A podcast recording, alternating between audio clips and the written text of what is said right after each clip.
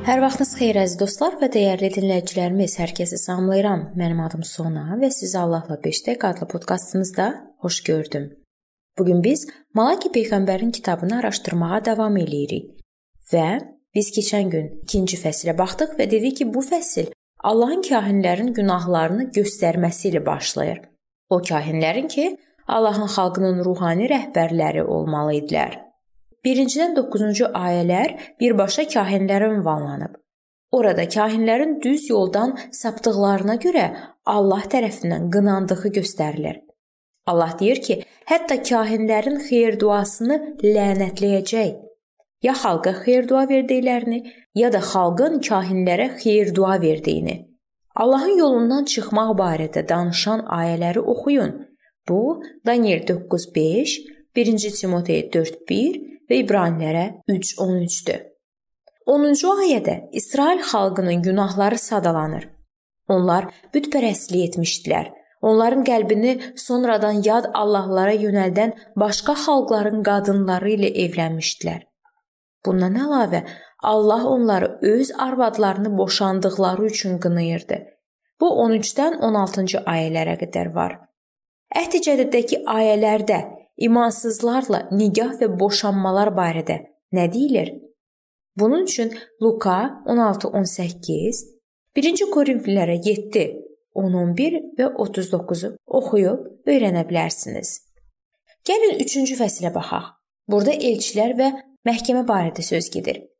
2-ci fəslin sonunda Allahın xalqın belə bir sualına Ədalət məhkəməsi Allahı haradadır? Necə cavab verdiyi təsvir edilir. O deyir ki, hər şeyi öz yerinə qoyacaq. O iki mələyin elçilərin gəlişi barədə öncədən xəbər verir. Birinci, yolu hazırlamalı olan vəftişçi Yəhya idi. İkinci isə Məsih. Malakinin kitabında əhd mələyi adlandırılan Rəbbin özü. Məsih qızıl və gümüşü təmizləyən həmən o kimi gəlməli idi. O təkcə öz xalqını mühakimə etməli değildi, həm də onu günahlardan təmizləməli idi. İki mələk, yəni iki elçi haqqında peyğəmbərliyin yerinə yetməsi haqqında Matta 11:10-da, 3:10-12-də və Yəhya 1:41-də də oxumaq olar.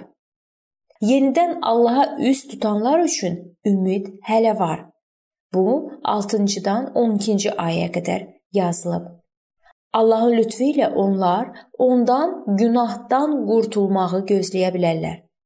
İsrailin öz Allahına qarşı ağır günah etməsinə baxmayaraq, o deyib ki, Məsih gələndə İsrail yenidən mübarək xalq və arzulanan torpaq adlandırılacaq. Həmçinin bunu Süleyman 3 9-10-da da baxa bilərsiniz. Rəbdən qorxanların həyatının nəticəsi necə olacaq? 13-dən 18-ci ayələrə qədər bu yerdə yazılıb. Allahdan qorxanlar Allahın öz mülkiyyəti olacaqlar. Həmçinin İbranilərə 3:13-də və 20:12-də, Titə məktub 2:13-14-də və 1-ci Peter 2:9-da da bu barədə baxa bilərsiniz. Və 4-cü fəsil bu salihlik günəşi barədədir. Malaki öz peyğəmbərlik kitabını müsbət notlarda, ümid sözləri ilə yekunlaşdırır. Baxmayaraq ki, bu kitabın sonuncu ayəsi lənət haqqında sözlərlə yekunlaşır. Vəd edilən Məsih onların ürəklərini dəyişməklə özünə xalqı satın alacaq. Pis əməl törədənlər Allah tərəfindən mühakimə olunacaqlar.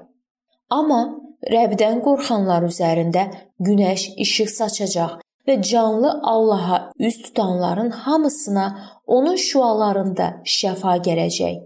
Salihlər bəraət alacaqlar və Rəbb özü məhkəməni həyata keçirəcək.